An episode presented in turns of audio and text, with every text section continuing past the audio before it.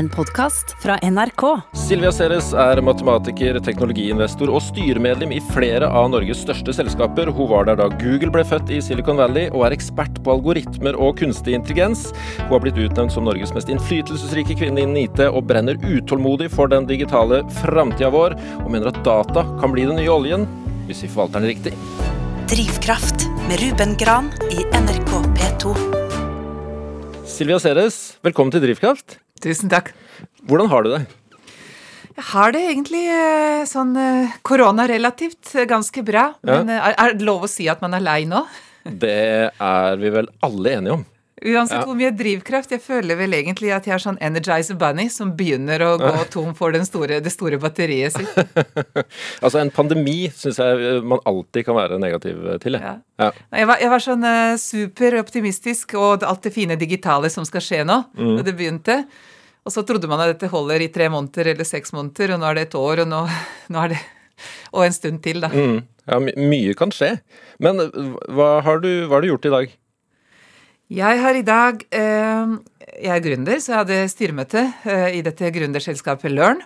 Eh, og der var det også en ny Chief Product Officer og en ny investor som ble med, så det var veldig spennende. Og så har jeg holdt foredrag for Avfall Norge sin digitaliseringsseminar. Og så har jeg eh, snakket med Norsk Sykepleierforbund om et stort prosjekt vi gjør for dem på livslang læring.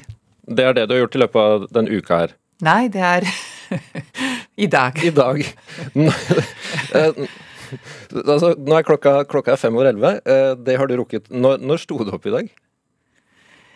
Eh, jeg har, jeg har eh, fire barn, og min eldste har blitt veldig god svømmer. Og han har treninger som begynner halv seks om morgenen, som jeg har kjørt fra Fornebu til eh, Berger på Rykken klokka fem i dag tidlig. Wow. Og ikke sett meg tilbake siden. Nei. Ja, du har fått deg en kaffe, heldigvis. Men, men du er A-menneske, ikke sant? Jeg er veldig A-menneske. Ja.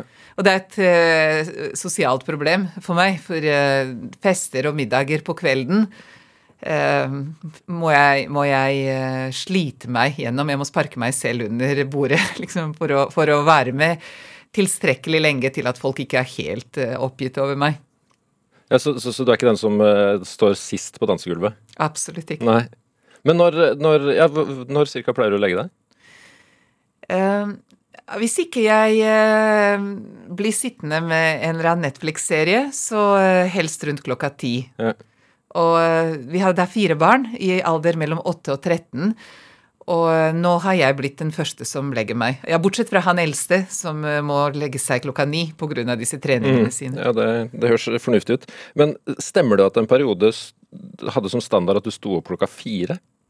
Ja, det var eh, kanskje et år eller to siden eh, hvor eh, jeg fant ut at eh, jeg hadde lyst til å skrive en bok, eh, og jeg fant ut at eh, jeg måtte også jobbe mer aktivt med dette gründerselskapet, i tillegg til å holde foredrag og være styremedlem. Begge de to oppdragene var fulltidsjobber hver i seg.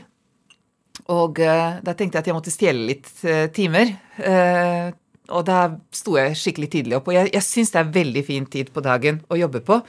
Men det jeg merker, er at eh, jeg er 50, og det som var veldig greit å gjøre før, å jobbe natta gjennom, sitte og kode flere netter på rad, eller eh, skrive, eller, eller stå opp klokka fire mange, mange dager på rad, det er ikke så greit lenger. Nei, men er det helsemessig forsvarlig? Nei. Nei? Nei, det er det jeg merker. Ja, men Hvordan kjente du det? At det ikke var riktig for, for kroppen? holdt jeg på å si? Nei, jeg ble grå over et år, eh, og så merker jeg at eh, eh, altså ringene rundt øynene forsvinner ikke, og, og så merker man det litt på humøret, og så merker man det at eh, det skrangler liksom litt. og det har vi ikke råd til, så jeg tenker at skal man holde tempo over tid, og det er tross alt det som må være målet, å nyte hele livet, hele livet, da, så tror jeg at man er nødt til å være litt fornuftig med eh, restitusjonstid. Og det tror jeg også noe som jeg har vært mye flinkere på før i sånn litt eh, makroperspektiv. Jeg tror at livet er en slags sinuskurve. Hvor du jobber veldig hardt for å bli ferdig med noe stort og viktig, og det krever hele deg. ikke sant? Og så må du tillate deg, akkurat som sportsfolk, å ha kanskje to måneder, kanskje seks måneder med litt eh, liksomjobbing. Uh, hvor du gjør det du må, men at du passer på at du får hvilt deg og fulgt opp batteriene. Og så syns jeg at nå de siste ti år har det ikke vært tid for en sånn runde. Og jeg tror ikke det er lurt. Nei. Godt du kan komme hit og slappe av i en times tid, i hvert fall. Forhåpentlig. Eh, det er altså Silvia Sere som er eh, i Drivkraft her i dag. Eh, som er Altså, når folk snakker om deg, eller skriver om deg, så er det jo, er det jo tech og digitale ting det dreier seg om, for å si det enkelt. Nå sitter du her med en stor notatblokk og, og, og en kulepenn. Eller en penn, i hvert fall. Eller blyant. Blyant, alltid blyant. Ingen laptop. Nei. Hvorfor? hvorfor? Nei, jeg uh, tror at digitalisering er en kraft som vil endre både måten vi jobber på og måten vi er på fremover, og nye forretningsmodeller og alt. Men jeg tror at vi mennesker har en grunnleggende psykologi som ikke kan endres i løpet av ett eller ti år. Og psykologien min er sånn at jeg liker å notere ned tanker som oppstår i hodet mitt. Det er sånn jeg kan bevege meg videre til neste tanke. Og det kommer Jeg er litt sånn vulkan på det. kommer litt for mange tanker. Og eh, jeg, jeg lærer ikke eh, hvis ikke jeg sitter med en blyant i hånda. Det er nesten sånn at eh, Du vet hvordan um, pianospillere f.eks. har en slags kroppsminne. Ikke sant? At en del av musikken sitter i fingrene. Mm. Jeg tror at en del av læringen min sitter i hånda og blyanten. Og det er selve uh, act of uh, altså hendel, hendelsen ved å skrive det ned som fester det i hjernen min.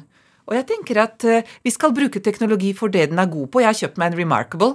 Jeg syns den er fantastisk, men den erstatter ikke for meg. Den går akkurat litt for sakte for meg til at jeg klarer å få den til å gjøre den oppgaven som en blyant gjør for meg.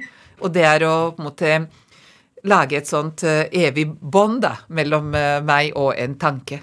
Hva er en Remarkable? Remarkable er et selskap og et produkt som lages i eh, Startup eh, Lab, blant annet eh, det der det startet, i hvert fall, i, i, i Norge. Som er en sånn tablet med en, med en digital penn, en ja. digital markør. Men de har kommet lengst i verden på å gi deg en følelse av at du skriver på papir. Mm -hmm. Så det, det, det, du, du, har litt motstand, og eh, du kan ha hånda hvilende på den, og utrolig flott for folk som tegner, f.eks. Uh, og kalligrafi er den fantastisk til, men, men min, uh, min, min, minnepinne, som denne blyanten er, er den ikke, da. Nei, for det, det, merker jeg ofte når jeg, altså jeg er veldig glad i å skrive for hånd. Og mm. det er jo nettopp uh, pennens møte med papir, når det er den riktige pennen som møter det riktige papiret, er jo en del av magien. Enig. Mm, eller Enig. magien. Sjarmen, i hvert fall. Men husker du Kan du huske din første PC? Eller eh, tekniske duppet ditt? Tekniske duppet ditt? Nei. Og der også, ikke sant, du snakker med en um, en matematiker som egentlig hater tall og med en teknolog som egentlig hater duppeditter. Eh, I matematikk så elsker jeg mønstrene, og jeg er en veldig visuell matematiker. Og, og, og logikk kan også tenkes veldig visuelt på. Mens i teknologi så er jeg veldig opptatt av eh, at det funker, og, og hva det gjør med meg. Men jeg, jeg, har aldri vært den første som skaffet seg en eh, smarttelefon eller en telefon. Jeg, jeg hadde ikke en PC. Eh, da jeg begynte å studere informatikk på Blindern. Eh, og jeg skulle gjerne fortalt det om en eller annen Commodore eller eh, Atari eller et eller annet som jeg spilte på, men det gjorde jeg ikke. Og selv der gjorde jeg bare det mest nødvendige. Jeg sittet og kodet det jeg måtte. Og, og, sånn har egentlig min holdning til teknologien vært, at jeg skal bruke den til det den er nødvendig for. Men jeg ser etter hvert at den blir nødvendig til mer og mer, og da er det like greit å tenke litt fremover og forstå hva, hva, skal den gjøre med oss i det lange løpet? Og jeg, jeg tenkte på dette her med Altså når, når, mobiltelefonen kom først, så sa jeg at jeg vil ikke ha den. Fordi jeg er så busy og vil ikke være på en måte forstyrret hele tiden, og de som trenger meg, får, finne meg. Og så noen Kanskje ett år senere så hadde jeg ikke mulighet til å stå på det lenger. Da måtte jeg skaffe meg en telefon. Og så husker jeg når mannen min sa at kanskje vi skal kjøpe smarttelefon så tenkte jeg at nei, det, altså, hva skal jeg med en sånn leketøy? Jeg skriver så mange mailer, og da må jeg ha taktiltastatur, for det er viktig. Og så har jeg eh, eh, misforstått helt poenget med smarttelefon, ikke sant. Så et år senere skjønte jeg at det er jo en plattform for livet mitt. Alle apper er det som er greia med den, og det er noe helt nytt enn det som var en mobiltelefon. Og en mobiltelefon var noe helt annet enn en vanlig telefon. Så selv om eh, det der funksjonen med å ringe hverandre er det som drar den videre i livene våre, så åpner den helt nye områder i livene våre. Og så er det noe med å prøve å forstå den kommersielle verdien av det, og samfunnseffekten av det, som jeg syns er spennende. Mm. Du kjøpte deg en uh, teknisk duppeditt til deg selv i, i, i fjor, til 50-årsdagen. Stemmer ikke det? En, det stemmer. En 3D-printer. hva, hva har du lagd med den? Ja, eller vent litt. Det er ikke jeg som har kjøpt den, det er Nei, mannen okay. min, faktisk. Okay. Så jeg har, jeg har Men det, du har gjort din research helt riktig, for jeg har uh, prøvd å skryte på meg. Det, det, var min initiativ. Men det er mannen min som har kjøpt den til meg. Og uh, tanken er at uh, jeg er veldig fascinert av 3D-printing. I utgangspunktet så snakket jeg nedlatende om 3D-printing, akkurat som jeg snakket nedlatende om VR. VR sa jeg var bare noe tull. Og så har jeg opplevd VR-briller på som har gitt meg ordentlig klaustrofobi. Og da tenkte jeg dette gjør noe med hjernen min som jeg må prøve å forstå, for dette vil endre måten vi kommuniserer på. ikke sant? Mm. Eller lærer på. Når det gjelder 3D-printing, så tenkte jeg hvem trenger flere sånne Darth Vader-figurer i sort plastikk? Ærlig talt. Men så har jeg sett at de har printa hus, og de har printa broer, og de har printet gevær. Og de har printet masse annet. De har printet kjøtt, og de har printet organer i 3D-printere. Og de printer gener. Og da tenkte jeg at dette må jeg prøve å forstå. Så jeg begynt å leke litt kunstnerisk. Så et veldig eh, spennende lite selskap i Norge som jobber med noe sånt nå, eh, Norsk 3D-service, har 3D-printa barna mine. Eh, først én gang, og så har vi lært litt av det, og så har vi 3D-printa barna en gang til. Og så hadde jeg lyst til å gjøre det en gang til. Det er veldig fine bronsestatuer i hagen min nå av eh, alle mine fire barn. Fantastisk. Så ble dette litt dyrt å gjøre via aktør, så jeg tenkte at dette må jeg kunne gjøre selv. Så jeg lærte meg å 3D-printe. Og så må jeg teste jo resultatet med en liten printer fra Claes Olsson. Men det er også veldig interessant, fordi man skulle tro at en 3D-printer er en svær og dyr sak. Mm. Det er egentlig en ganske liten sak som koster 5000 kroner på Claes Olsson, og sånn har det gått med all teknologi. Men sånn bortsett fra å ha barna sine som hagenisser, hvilke, hvilke muligheter ser du i den teknologien?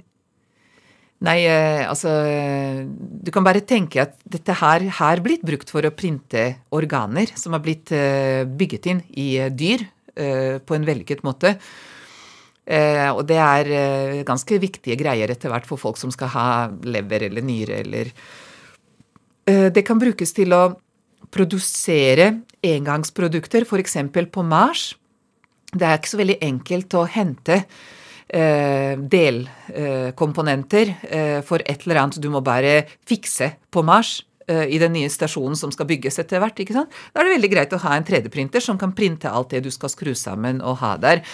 Det er også veldig veldig nyttig å 3D-printe prototyper av veldig svære og dyre ting, eller av produkter hvor du må finne ut av brukergrensesnitt og brukeropplevelse før du lager 100 000 av et eller annet. Foreløpig er det for dyrt, men det er også blitt veldig mye billigere. ikke sant? Og så kan det også brukes til en sånn sirkulær måte å tenke på, hvor en eller annen plastikkduppeditt som var veldig viktig for meg før, men som jeg ikke trenger lenger, kan puttes inn som gugge inn i 3D-printeren, og så kommer det noe annet nytt ut av det som er nyttig. Ikke sant? Så jeg tror at eh, det kan også brukes etter hvert til å 3D-printe med riktige kjemiske komponenter legemidler på kjøkkenbordet. Det kan eh, brukes til å 3D-printe eh, leksene til barn. Altså det, det, jeg tror at det også er sånn at vi ved å bruke det kommer til å innse mulighetsrommet. Ja, Hvor vanlig spår du at 3D-printere blir? Er, blir det som å ha en uh, mikrobølgeovn? Ja. Jeg tror det. Jeg tror det kan godt hende at maten lages i en 3D-printer om uh, en stund. Og så kan vi si at sånn kan vi ikke ha det, og det er jo helt uh, idiotisk. Hvem skulle ha det sånn? Men vi må også huske at de første PC-ene, når de kom, så sa Jeg tror det var Ken Thompson, som var da DEC tror jeg, eller IBM-sjefen, som sa at uh, han kan Altså de som lagde de første på en måte industrielle, til, tilgjengelige PC-er, sa at han tror at marked, altså verdensmarkedet for PC-er er maksimum seks maskiner. Så, så vi skjønner ikke poenget med teknologien før vi har lekt litt med den, og før den har infiltrert livet vårt gjennom lek. Eh, og så begynner den å bli en nødvendighet. Og det beste eksempelet der er egentlig, tenker jeg, iPhonen vår, eller smarttelefonen, mm. som jeg var overbevist at jeg ikke ser noe som helst grunn til å eie for litt siden. Men i dag kan jeg ikke betale parkeringen min eh, her eh, foran NRK, eller gjøre jobben min med å lage, om det er podkaster eller foredrag eller noen ting, egentlig. Og la oss si audiobøker. Jeg har blitt veldig glad i audiobøker i løpet av de siste tre-fire år. Og audiobøker har jeg også tenkt på som noe som litt sånn uh, evnesvake får uh, ta til takke med, ikke sant? Fordi du slipper å måtte lese selv. Uh, men jeg kan jo lese selv. Men etter at øynene ble litt slitne, og jeg ble litt lei av sånne tusensiders styrepapirer, så begynte jeg å lytte til først klassikere, sci-fi, også etter hvert saksprosa via Audible, og det har blitt 500 bøker på to år. ikke sant? Det, det, er mye flyreising, og det, er mye, det var mye flyreising, og det er mye kjøring og turer og sånt. Og, og det har endret livet mitt på en positiv måte. På, på, en måte som jeg ville absolutt avskrevet før jeg har brukt det en stund, da. Mm, ja, på hvilken måte har det endra livet ditt? Jeg leser igjen. Mm. Jeg hadde en uh, tid i uh, ungdommen min i Jugoslavia. Vi leste veldig mye i gymnaset. Og, uh, og, jeg tror at det er Det, det, det var litt sånn liberal arts til, til, tilgang til kunnskapsutvikling. Det er litt rart fra et kommunistland, men vi leste utrolig mye internasjonalt. Og litt sånn over vår aldersgruppe også, tror jeg. Eh, men, men, eh, så kom jeg til Norge, begynte å jobbe med faget, og i kanskje 30 år så har jeg bare jobbet med fag og bare lest det som hadde med jobben min å gjøre. Og livet snevres litt inn. Eh, jeg har, jeg har lest én ting ved siden av det, og det er Economist. Veldig lite norske aviser. Men, men Economist syns jeg gir et nydelig sånn bredt Eh, internasjonalt og langsiktig perspektiv på det meste. Eh, og, så, og, så, oppdaget jeg disse audiobøker, og så fant jeg plutselig en, eh, altså lommer av tid i livet mitt hvor det gikk an å lese. Og eh, jeg tror at det er en av de viktigste på en måte, terapeutiske tiltak jeg gjør for meg selv eh, i møte med utbrenthet eller eh, problemer. Det å kunne kanskje fortape meg i en eh, god, gammel bok, da. Du hører Drivkraft i NRK P2.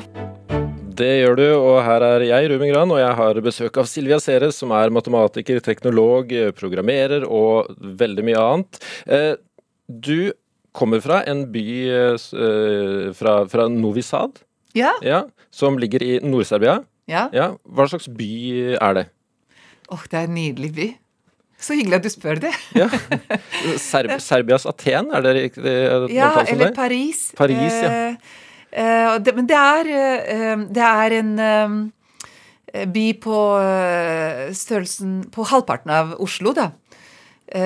og den ligger ved Dunav, og det er definerende for byen. Den er sånn ca. halvveis Hvis du drar en strekk mellom Budapest og Beograd, så er denne byen midt i. Og jeg er kulturelt også midt i. Jeg er opprinnelig ungarsk, men har vokst opp i serbisk skole og med bare serbiske venner. Og eh, Novi Sad med sine 350 000 innbyggere Uh, har uh, Europas nest største festning fra Maria Teresas tid. Og denne festningen er på andre siden av elven fra oss. Og så er det en veldig stor og lang promenade, åtte kilometer lang langs elven og uh, en del parker og gågater i byen. Så, så, så, byen har veldig mye sånn sosialt rom hvor vi møtes og vi føler at vi hører til. Og om kveldene så pleide man å gå over elven til denne festningen, som hadde flere nivåer og masse katakomber og fantastisk hyggelig og vakker bygning. Og der kunne foreldre spise middag, mens vi kunne gå på diskotek i nærheten og se utover byen og elven og gå hjem eh, over elven sammen. Og det, det, det ga byen en, en, en, sjel, da, som jeg eh, kommer alltid til å lengte tilbake til. Da. Mm. Den gang du bodde der, så lå det i Jugoslavia, ikke sant? Det var det vi kalte det den gang. Eh, og foreldrene dine er ungarere, som du sier. Hvordan Har det satt noe spor i deg? At du har vært eh, flere, flerkulturell allerede der? Ja. Uh, vi er uh, altså uh, blant de 500 000 ungarere som bor i nordprovinsen i Serbia som heter Vojvodina som er kulturelt veldig blandet. Og den er blandet fordi det var en del av Østerrike-Ungarn før første verdenskrig, og har vært en sånn uh, cultural melting pot, da. Uh, og mine foreldre har pleid å si at uh, Altså, vi snakket ungarsk, bare ungarsk, med besteforeldrene mine, og frem til jeg startet i skolen. Men det var et bevisst valg at de puttet meg i en serbisk språklig skole. De kunne valgt en ungarsk skole til meg. Men eh, de sa det er veldig viktig for deg å kunne snakke språket. Skal du studere her, og skal du være på en måte virkelig en del av samfunnet? Fordi det er litt eh, Alle minoriteter overalt i verden må, må bevise dobbelt så mye som eh, majoriteten, da. og jeg har på en måte vokst opp med å være litt sånn, sjenert sånn på denne minoritetsbakgrunnen min. Eh, men også litt bevisst på at jeg har i hvert fall to forskjellige måter å se på enhver sak. For bestemor, eh, særlig den ene som bodde i et sånt lite landsby med jordhus og ingen utdanning, men ekstremt mye klokskap, eh, pleide på en måte å, å, å, gi meg masse perspektiver som er veldig annerledes enn disse intellektuelle perspektivene jeg fikk fra mor og far og kanskje resten av folka rundt meg. Og, og jeg, den der tvetydigheten uh, har jeg tatt med meg videre i livet. Så uh, jeg tror nesten jeg har samlet litt på forskjellige identiteter i hodet mitt. Uh, Istedenfor å prøve å integrere meg, så ble det bare én Silvia til. Uh, og en periode så var det bare utrolig sånn deorienterende. Mens jeg tror kanskje jeg har lært å, å, både glede meg over det og være litt stolt bruker av det. Mm. Men, men der i, i, Serbia så hadde du et litt belastende etternavn? Ja, det gjorde jeg. Ja, ja nei, så Ceres, eh, som egentlig er eh, Altså, på ungarsk så skriver man bokstaven sj som S, mens S i Silvia er SZ. Ikke sant? Så etternavnet mitt er egentlig Sheresh, som er eh, egentlig Sjøres i ungarsk. Man har ikke Ø på serbisk. Eh, så det er samme etternavn som Soros her. så Det er bare at han har transkribert det på en litt annen måte. Uh -huh. Og Det er veldig vanlig etternavn i Ungarn, for det betyr ølbrygger. Men i Serbia eh, har vi eh, Monica Selers, som folk har eh, veldig kjent i. Også en jente fra min by. Og eh, hennes storebror da er i, i min generasjon, og vi kjente hverandre. Men hennes etternavn er det veldig mange som kjenner til, så da ble mitt etternavn uttalt som Seres og det betyr du driter. så, så, jeg hatet det i hele min ungdom. Uh, og jeg har ikke tall på uh, antall lærere osv. som uh, som også uttalte det feil. Og så på et eller annet tidspunkt så ga jeg bare opp og prøve å rette dem, og tenkte at da får det bare være sånn, det. Uff. men for deg så betyr det ølbrygger? Ja, for meg betyr ja. det ølbrygger. Men altså, det er også litt sånn at uh, Navnet eh, Etternavnet mitt kan bety noe morsomt i, i eh, Serbia. Eh, selv om det er et veldig vanlig etternavn i Ungarn. Eh, et vanlig navn fra Norge kan bety noe helt eh, idiotisk i Serbia. Så også Peder eh, betyr homoseksuell i Serbia. Og navnet Camilla er jo ordet for kamel i Serbia. ikke mm. sant? Så altså, det er bare Det er bare umulig å lokaltolke navnene. Mm. Jeg har prøvd å dra til USA med etternavn Grand, du. Ja. Men det, det, ungarsk er et språk med fryktelig mange kasus? Ja. Har jeg forstått? Er det, er, er det et logisk språk? Ja. Så um, ungarsk er, sies det, uh, verdens mest kompliserte språk. Og så er det sikkert noen uh, asiatiske språk som kan kanskje komme og konkurrere med det. Men Eh, vi har 26 kasus. Og det gjør at uh, man er nødt til å tenke veldig strukturert, ubevisst, ikke sant, for å få til grammatikken riktig. Og det gjør, tror jeg, at eh, det er veldig mange gode musikere og veldig mange gode matematikere og sjakkspillere fra Ungarn. Så hvis du eh, ser på de som eh, fikk til den første store datamaskinen i USA, bl.a. John Neumann og Leo Szilard, som også var i Los Alamos-teamet, alle ungarere. Mm -hmm. Og folk har uttalt at absolutt finnes det aliens. Altså aliens fins, og de er på jorda og det er ungarere. Men både du og faren din er matematikere. Ja. Var det han som inspirerte deg i den retningen? Ja, veldig. Det er litt sånn rart, for uh, uh, jeg tror det er litt sårt for mor. Og uh, jo eldre jeg blir, jo mer er jeg faktisk inspirert av mor i min måte å være menneske på. Men min faglige inspirasjon kommer i veldig stor grad fra pappa. Og pappa er en sånn jeg tror at pappa er uh, geni. Uh, men litt misforstått geni, mm. fordi det var litt for mye politikk rundt ham i Serbia. Han er litt sånn Dr. House. Vet, vet alt, og litt, litt, utålmodig på å formidle alt. Og så har han vært utrolig tålmodig og inspirerende med oss barna, og da med barnebarna. Så han har fortalt oss om matematikk gjennom historier. Eh, om eh, kjente matematikere, og hvorfor de bare måtte finne ut av et eller annet. Så blant annet er det to ungarske matematikere, en far og en sønn, eh, Boljai, som jobbet med den ikke-euklidske geometrien. Og det er denne geometrien som ikke følger flater, men eh, eh, som også flere andre matematikere kom opp med samtidig. Og dette er matematikk som er nødvendig for dagens fysikk, sånn som eh, Einstein sine greier og senere. Men eh, eh, det ville aldri vært relevant. Altså for meg ville det bare vært en sånn også, Hvem i all verden er interessert i en verden hvor to parallell eh, Eller hvor det er uendelig Det har med Euklids aksiomer å gjøre, men at eh, parallelle linjer er noe annet enn det vi tenker på som parallelle linjer. Eh, men hvis, når han fortalte meg om denne faren som har jobbet med saken hele sitt liv, og så eh, på dødsleiet ber han sønnen sin aldri jobbe med det problemet. Ikke kast bort livet ditt, sønnen min, sånn som jeg gjorde. Og så, så, lover sønnen at nei, jeg skal ikke gjøre det, pappa. Og så gjør han selvfølgelig det. Og så får han det til. Så, så, så er du plutselig veldig interessert i å prøve å forstå hva er det han fant ut. ikke sant? Og sånn var pappa i stand til å forklare egentlig alle typer matematikk.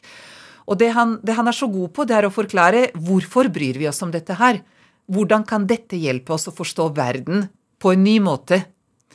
Og det har egentlig, tror jeg, også gjort meg i stand til å uh, lære masse annet nytt. Fordi jeg tror at han har innstilt til meg en evne og en vilje til å lete etter mønstre, og kanskje også gjenkjenne mønstrene relativt fort, i alt fra politikk til, uh, til uh, psykologi, da. Er matematikk vakkert for deg? Veldig. Ja. ja. Og det, og, det, og det, har igjen med disse mønstrene å gjøre. at det, Jeg tror det er veldig vakkert å finne sammenhenger. Og, eh, og se hvordan de sammenhengene kan overføres til eh, nye settinger. Og jeg kan fortelle også litt senere om hvordan algoritmer er matematikk, og hvordan alt det vi snakker om nå med kunstig intelligens, er matematikk, og hva, hvorfor det å tenke på det som matematikk kan hjelpe oss å forstå den tiden vi går inn i.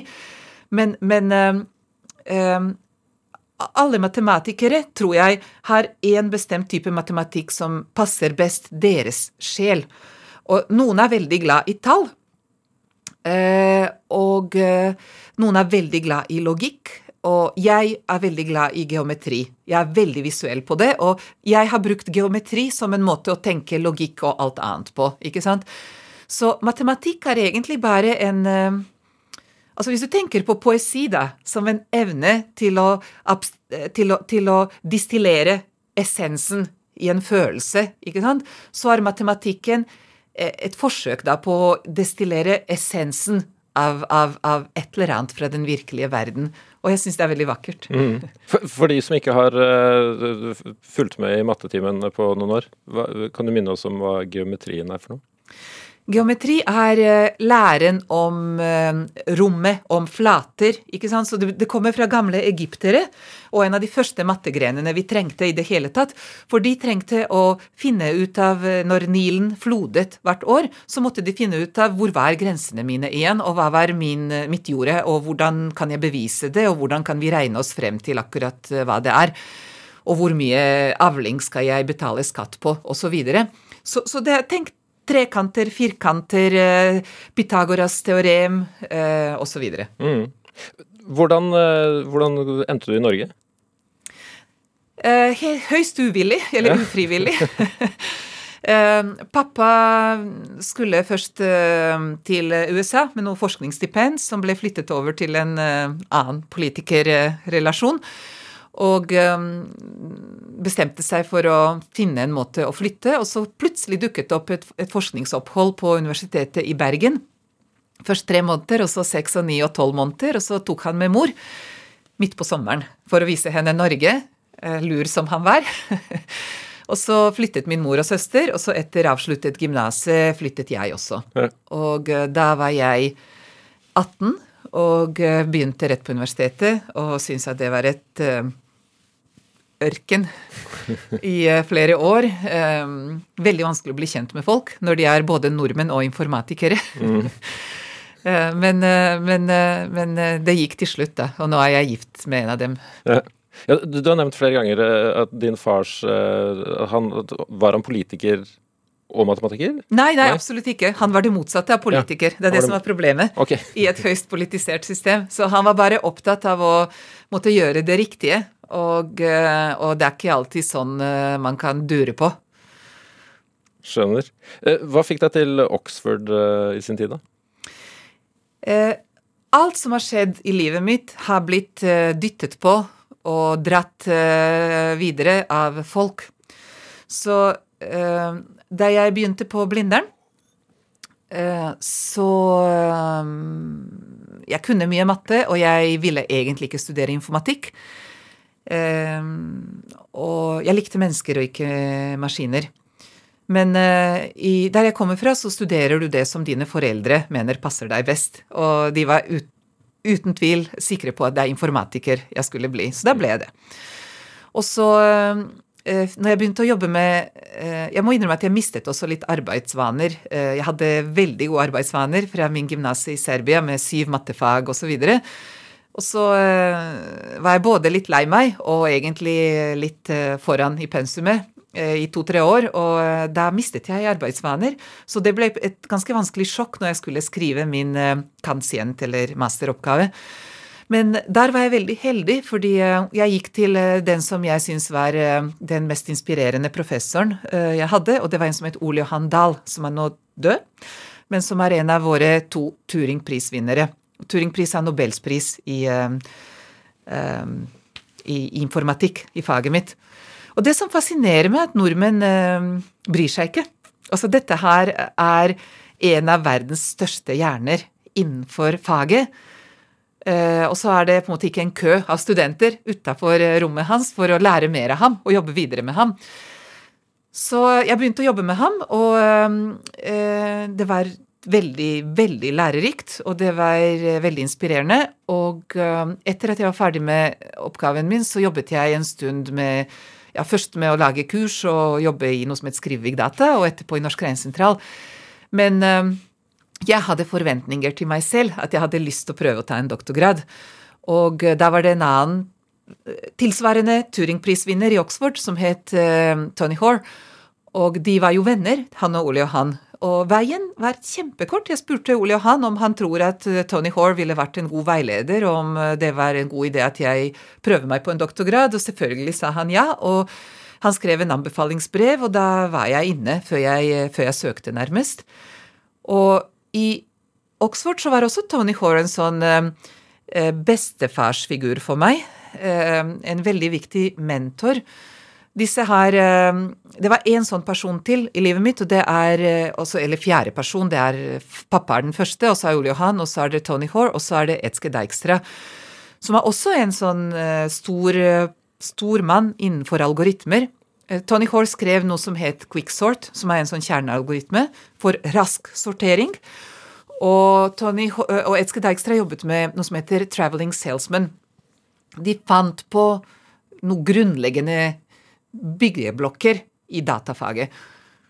Og uh, igjen uh, Folk liker deg som et godt menneske, og så inviterer de deg inn i sin verden, og så vokser du i deres verden. Så Edsker inviterte meg hjem til seg og uh, kjørte noen quiz-spørsmål på meg. Jeg måtte løse noen gåter sammen med ham, osv. Og, så og når vi var ferdig med samtalen, så ga han meg sin Mont Blanc-penn og sa at du må gjerne komme på, måte, på sabbatical når, når, når, du er eh, ferdig med doktorgrad, så skal, vi, så skal vi finne noen spennende oppgaver sammen. Og uh, det har vært en uh, jeg, har, jeg har, på en måte kasta bort litt av min akademiske bakgrunn og det jeg, det jeg lærte og det jeg jobbet med. Men det jeg husker, og det som sitter igjen i meg, det er hvor opptatt disse folk var med noen viktige problemstillinger, og hvor relevante de problemstillinger er fortsatt den dag i dag. Ja, hva, hva slags problemstillinger var det? Nei, så um, jeg sluttet da i akademia, for um, altså etter, etter, doktorgrad i Oxford så ble jeg igjen som uh, en, en, en, lecturer, en fellow uh, i Oxford, på Oxford-universitetet. Og, uh, og, jeg kom tilbake til Norge i 2003. Og siden har jeg egentlig ikke jobbet teoretisk og faglig innenfor undervisning. Og Eh, jeg har en del år nesten skammet meg over eh, å ha doktorgrad. Folk i næringslivet tror du må være forferdelig sær og vanskelig å jobbe med hvis du kommer med doktorgrad, og du er overkvalifisert for alt det de kunne tenke seg å bruke deg til. Ikke sant? Eh, men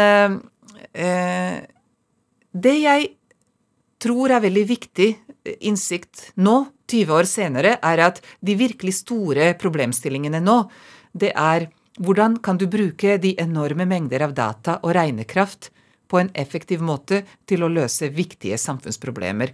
Og det er den kompleksiteten og skaleringsevnen som er grunnlaget av data science, egentlig. Det er det vi prøver å løse. ikke sant? Datamaskiner er bare noe dumme kalkulatorer inntil du innser at deres eh, styrke er forbi vår menneskelige fatteevne. Ikke sant? Hvor fort de regner på ting, og hva er det de kan faktisk regne ut. Og dette her dreier seg om noe som vi omtaler som kompleksitetsteori, som henger sammen med hva slags algoritmer er beregnbare. Og dette igjen henger sammen med en type matematikk, altså grunnleggende logikk, da. Og eh, det er noe som heter Gödels ufullstendighetsteorem, som jeg syns er det vakreste stykket teori som menneskelig eh, hjerne noen gang har kommet opp med. Um, og, og, igjen, den, den, setter grenser for hva som er beregnbart. Og kunstig intelligens kan bli så kraftig som bare det, og kvantedrevne chipper kan komme. Men, men det er fortsatt grenser for hva maskiner kan regne ut, og menneskelig hjerne kan hoppe forbi det på måter vi ikke forstår. Og for meg er dette kjernen i problemstillingen hva skal maskinene gjøre i fremtiden, og hva skal menneskene gjøre i fremtiden? For vi må slutte å tro at vi skal konkurrere med maskiner. De kommer til å kunne regne det som regnes kan, forbi oss og løpe i sirkler rundt oss. De har mye mer data, mye mer regnekraft og mye mer nettverk. Men vi har en evne til å hoppe i nivåer i vår forståelse av verden på en måte som maskiner ikke kan. Og det gjør at vi finner løsninger som jeg er sikker på at maskiner ikke kan regne seg frem til. Og Derfor tror jeg at det er vi mennesker som skal utvikle samfunnet og løse etiske dilemmaer som ikke maskiner kan regne seg frem til. Og så må vi la dem gi oss godt grunnlag til å på en måte holde på med dette her på en relativt effektiv måte. I løpet av det siste året så har veldig mange av oss fått et mye nærere forhold til, til nettopp maskiner. Eh, ved at vi sitter i uendelige Teams-møter og slike ting. Har, eh, har, har, du på en måte på et eller annet plan lært noe nytt av at vi ses mindre, eh, øyne til øyne? Ja. Så øh, På mange måter så jeg kan ikke si at jeg var glad for korona, men jeg, jeg, er en opportunist. Jeg har kalt meg selv en teknologiopportunist og en livsopportunist. Og jeg mener ikke noe negativt på det, det er ikke noe med liksom profittering å gjøre, men det er å være god på å se muligheter og gå etter muligheter når de er der, og, og selv om de er i en litt annen form enn det du kanskje hadde forestilt deg. Og når korona kom, så tenkte jeg oi, nå blir vi digitale. Lenin har en sånn eh, eh, utsagn som sier at noen ganger er det tiår hvor ingenting skjer, og så er det uker hvor flere tiår skjer. Og vi har hatt 52 sånne uker bak oss nå. Og eh, jeg syns eh, det var veldig spennende å se hvordan folk som sa at det går ikke an å kjøre digitale styremøter eller digitale konferanser eller digitale legebesøk, plutselig sier at det er ikke noe nytt og ikke noe annerledes ved dette her. Samtidig så er jeg litt fascinert av meg selv, for eksempel, for jeg har brukt eh, tiden til å skrive en bok og blitt ganske ensom i prosessen. Jeg, har vært veldig, jeg er egentlig en introvert person. Og så har jeg lært å bløffe på scenen. Mm. Men jeg, jeg, liker meg i sånn én-til-én-situasjon, og, og, liker å fokusere og få jobbe på en måte i fred. Eh, og så tenkte jeg å, så deilig, jeg slipper å bruke tid på å reise. Jeg slipper å bruke tid på masse sånn kaffeprat før og etter møter og sånn. Men det jeg merker at jeg personlig begynner å bli helt ødelagt av, det er mangelen på kaffeprat mangelen på å være fysisk sammen med mennesker, hvor vi kan se hele mennesket, ikke bare rollen til det mennesket i et eller annet prosjekt vi har. Så jeg tror øh, det å lengte etter øh, det fysiske, lengte etter et, et fysisk samfunn, er, har vært en veldig viktig læring for meg av korona. Og vi kan effekt... Du hører Drivkraft i NRK P2. Der avbrøt jeg deg, Silvia Ceres, som også er i Drivkraft. Hva var det du skulle si? Nei, det jeg skulle si, er at uh, vi, uh, vi har jo blitt veldig digitale og, eh, gjennom korona, og det er mange som med god grunn er veldig stolt av hvor effektivt vi har snudd oss. Jeg er forresten veldig fascinert av norsk skole, for jeg har gått rundt og vært litt bekymret at det blir litt for mye sånn lek og epler og pærer og bananer og sånt når mine fire skulle på skole. Mm. Fredag den 13. var den første sorte dagen i Norge i mars i fjor. Ett år siden. Første dagen fungerte ikke nettverk og showby og sånt. På mandag fungerte så å si alt. Men det som var enda viktigere, at digitalpedagogikk fungerte. Og det gjorde det fordi lærere og kommunen og forlagene og elever var forberedt på å kunne bruke iPader og digitalt innhold og digitale modeller med omvendt klasserom og sånt. Og dette fungerte så bra fordi vi gjorde oss klare. ikke sant? Så masse, masse som var bra. Og så tror jeg at vi har også lært at det som kommer etter korona, er hybride arbeidsmodeller. Vi går aldri tilbake til verden sånn som den var. Men den kommer aldri til å være heldigital heller. Og det jeg savner, er en felles sult etter å lære. Ok, men hvordan skal det bli? Hvordan vil vi at det skal bli? For jeg tror at fremtiden er virkelig opp til oss, og det er de som gjør det, som skaper det, som definerer det. Så, så hvordan skal våre digitale arbeidsplasser, eller hybride arbeidsplasser, være? Hva er den nye kulturen? Hvordan skal vi eh, sørge for at det, vi, vi, er både sosiale og effektive, eh, både i møter og i aleneprosjekter og i klasserommene våre? Jeg syns vi skal prate mer om dette her, istedenfor å vente og se. Ja, Er det en del av det du tenker på når, når det snakkes om at data er den nye oljen potensielt? Ja, eller altså det jeg sier, at data er en, en, viktigste ny ressurs for den tiden vi går inn i. Vi omtaler den tiden vi går inn i som den fjerde industrielle revolusjon, eller en cyber-physical revolution. Cyber står for kybernetikk, egentlig. Eh, eller tall, men kybernetikk er også et tallbasert eh, vitenskap kontrollteori. Verden skal kontrolleres på, på, basis av data. Og en sånn verden hvor måte, din utdanning, uh, din uh, forsikring, din fremtidige helse, din fremtidige finansielle liv, din, dine politiske handlinger ikke bare måles i form av data og overvåkes i form av data, men etter hvert påvirkes gjennom databaserte verktøy. Det er den verden vi går inn i.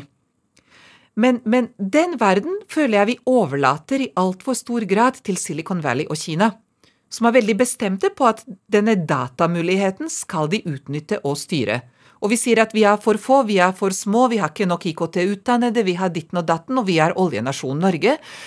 Og det som plager meg, er at det er litt for mange næringslivsledere og politikere som fortsatt tviholder på vår forrige suksess, som er oljen, og sier at ingenting kan måle seg med olje. Vi må ikke sammenligne noe med olje. Det er liksom De vil ikke slippe på den identiteten. Og jeg tror det er nødvendig å omdefinere identiteten vår til det som kommer, og det som vokser. Olje er stranded asset som verden fortsatt trenger, og vi skal fortsatt tjene vårt levebrød på olje en del år. Men vi må bygge broen inn i fremtiden, og det er en bro som går mot data. Og ny kunnskap og kunnskapsoverføring fra oljen til andre sektorer. Og det jeg er opptatt av, at data er en ressurs, og da må vi vite hvordan vi skal bruke den ressursen. Og så må vi forstå at data blir også politikk. Og vi må bestemme oss for hvilken politikk skal denne dataen drive. Og det er, der, det er dette jeg prøver da å problematisere i staten og dataen. Politikerne må skjønne at det er dette de bør politisere. Vi er halvveis inn i et valgår, og vi snakker jo ikke om annet enn eventuelt litt ulv og litt korona. Eh, staten og dataen er altså boka di? Ja. ja.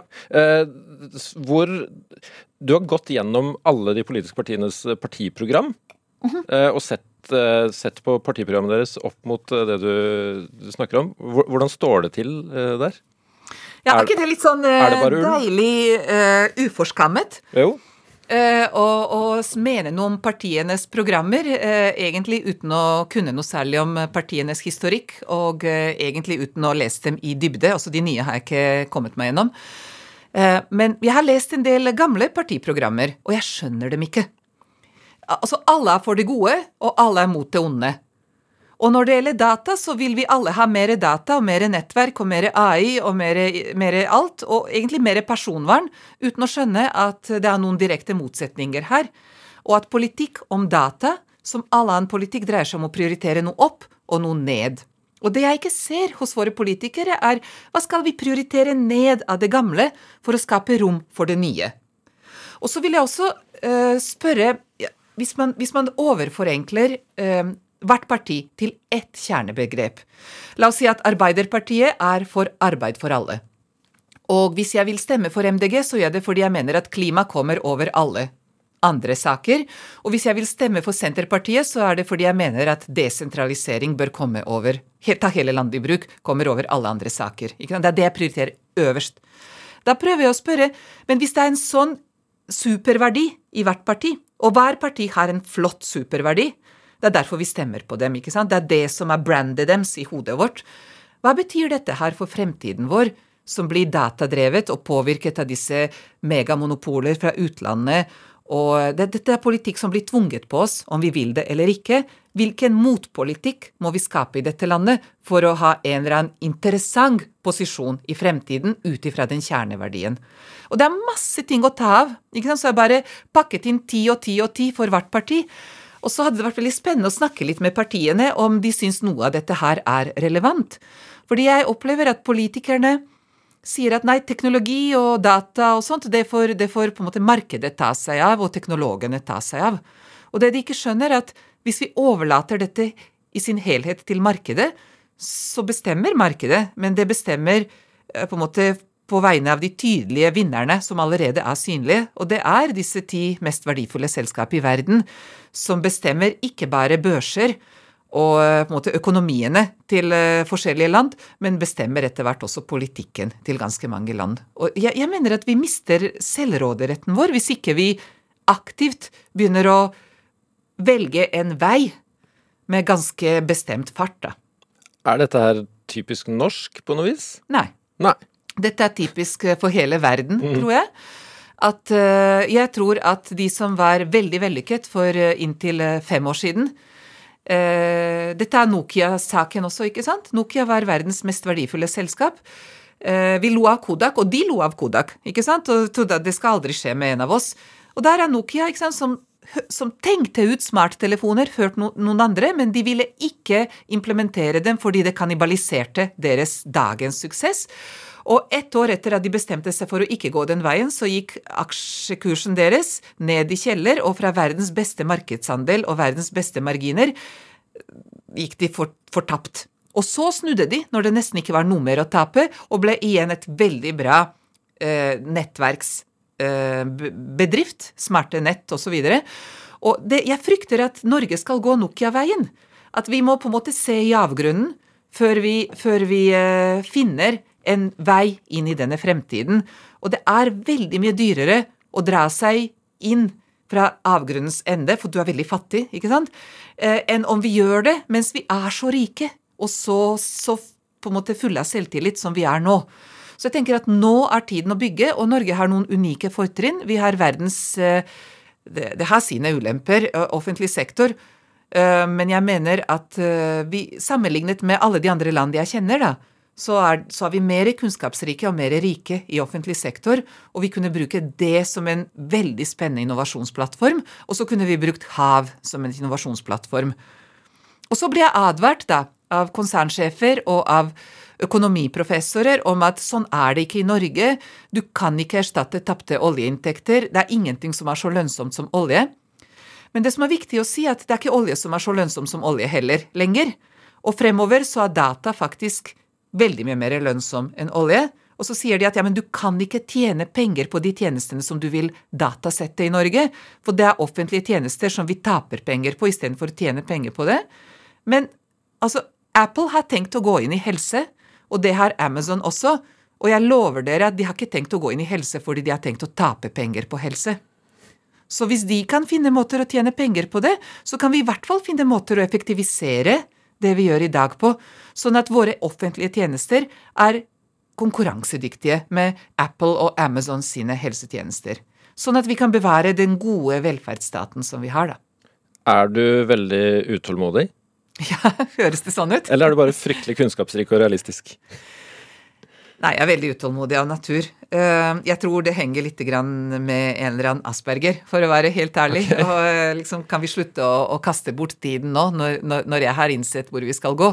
Og så er jeg veldig dårlig på å forankre, og jeg er veldig dårlig på å måtte huske at alt som blir gjennomført her i verden, gjennomføres på basis av relasjoner. Altså, du må få folka med, ellers så kommer du ikke noe vei. Eh, så jeg, jeg, må bli litt mindre utålmodig, og så tenker jeg at eh, eh, jeg må også finne en måte å formidle Sammen med flere andre som formidler dette her i Norge, at det haster. Det haster veldig. Fordi jeg tror at verden om fem år kommer til å være ugjenkjennelig i forhold til verden i dag.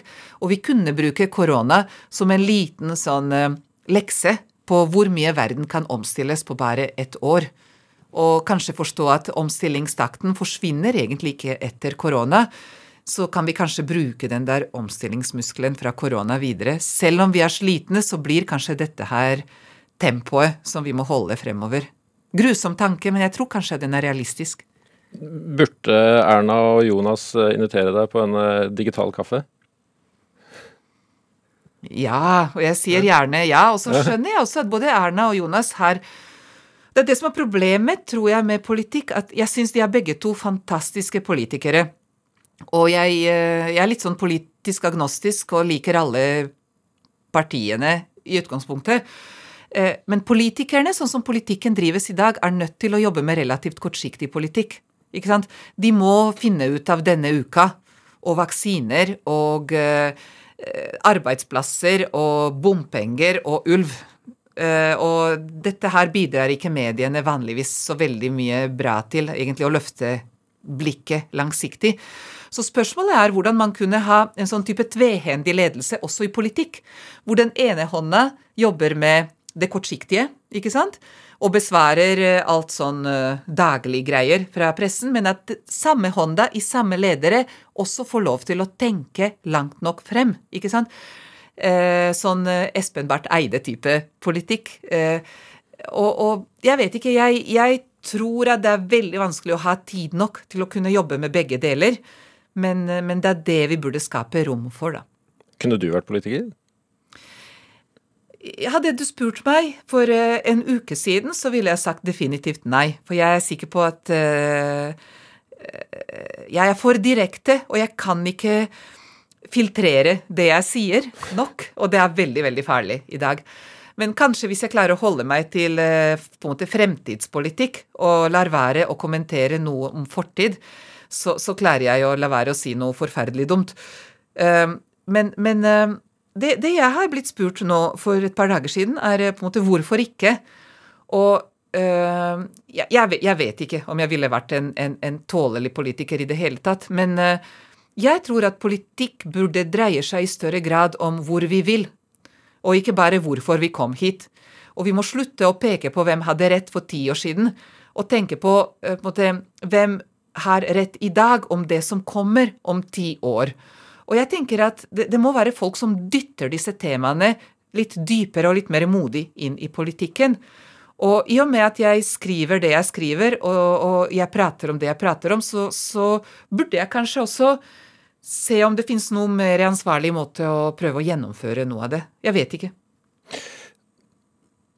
Uh, du bruker ofte bilde av dyr uh, for, for, å illustrere hva slags innstilling vi, vi bør ha til, til, alt dette her. Uh, en rev og et pinnsvin. Ja. ja hva, hva, er det? Ja. Nei, det er, det er en, det er en, en, en gammel Esop-fabel, hvis jeg husker riktig, hvor eh, Reven kan mange ting, men pinnsvinet kan være én stor ting. Og det jeg har brukt det eksempelet til, er å si at jeg tror vi må være både litt rev og litt pinnsvin. Hvor eh, eh, Det går også eh, på dette med hvordan skal vi lære oss nok om fremtiden som vi går inn i. Jeg snakker mye om livslang læring, og det blir litt sånn uoverkommelig for folk flest. De sier hvordan i all verden skal jeg forholde meg til alt dette her, alle de retningene. Det blir for mye for meg. Den dype tverrfagligheten. Og da sier jeg at du må ha en profesjonell identitet eller et problem du elsker, som gjør at det er dette jeg jobber med, det er dette som er livet mitt. Du kan være en kirurg, eller du kan være en snekker, eller du kan være en reiselivsleder, men det er det som på en måte er din, ditt pinnsvin. Men så må du være litt rev, hvor du må lære deg mye forskjellig på toppen av dette her, disse T-shaped individuals. Og så vet jeg ikke om jeg er pinnsvin eller rev, eller om jeg kanskje heller er en hval som har bestemt meg for å gå litt uh, i dybde og være litt sånn uh, inert uh, på, på, på for, for, for, jeg tror at den reisen jeg setter ut på, er egentlig en ganske tung og lang reise, og man bør ikke bli for mye distrahert da. Og spørsmålet er hvordan får man det til? Det, det, det, det skjønner jeg ikke. Silja Ceres, tusen takk for besøket. Du kan høre flere Drivkraft i NRK-appen. Du finner oss som podkast der du finner podkast, og du kan tipse oss på drivkraftalfakrøll.nrk.no. Produsent i dag har vært Kjartan Aarsand, og jeg har fått god hjelp av Siv Wammer. Jeg har vært Ruben Gran. Ha det godt. Vi hørs. Du har hørt en podkast fra NRK. Hør flere podkaster og din NRK-kanal i appen NRK Radio.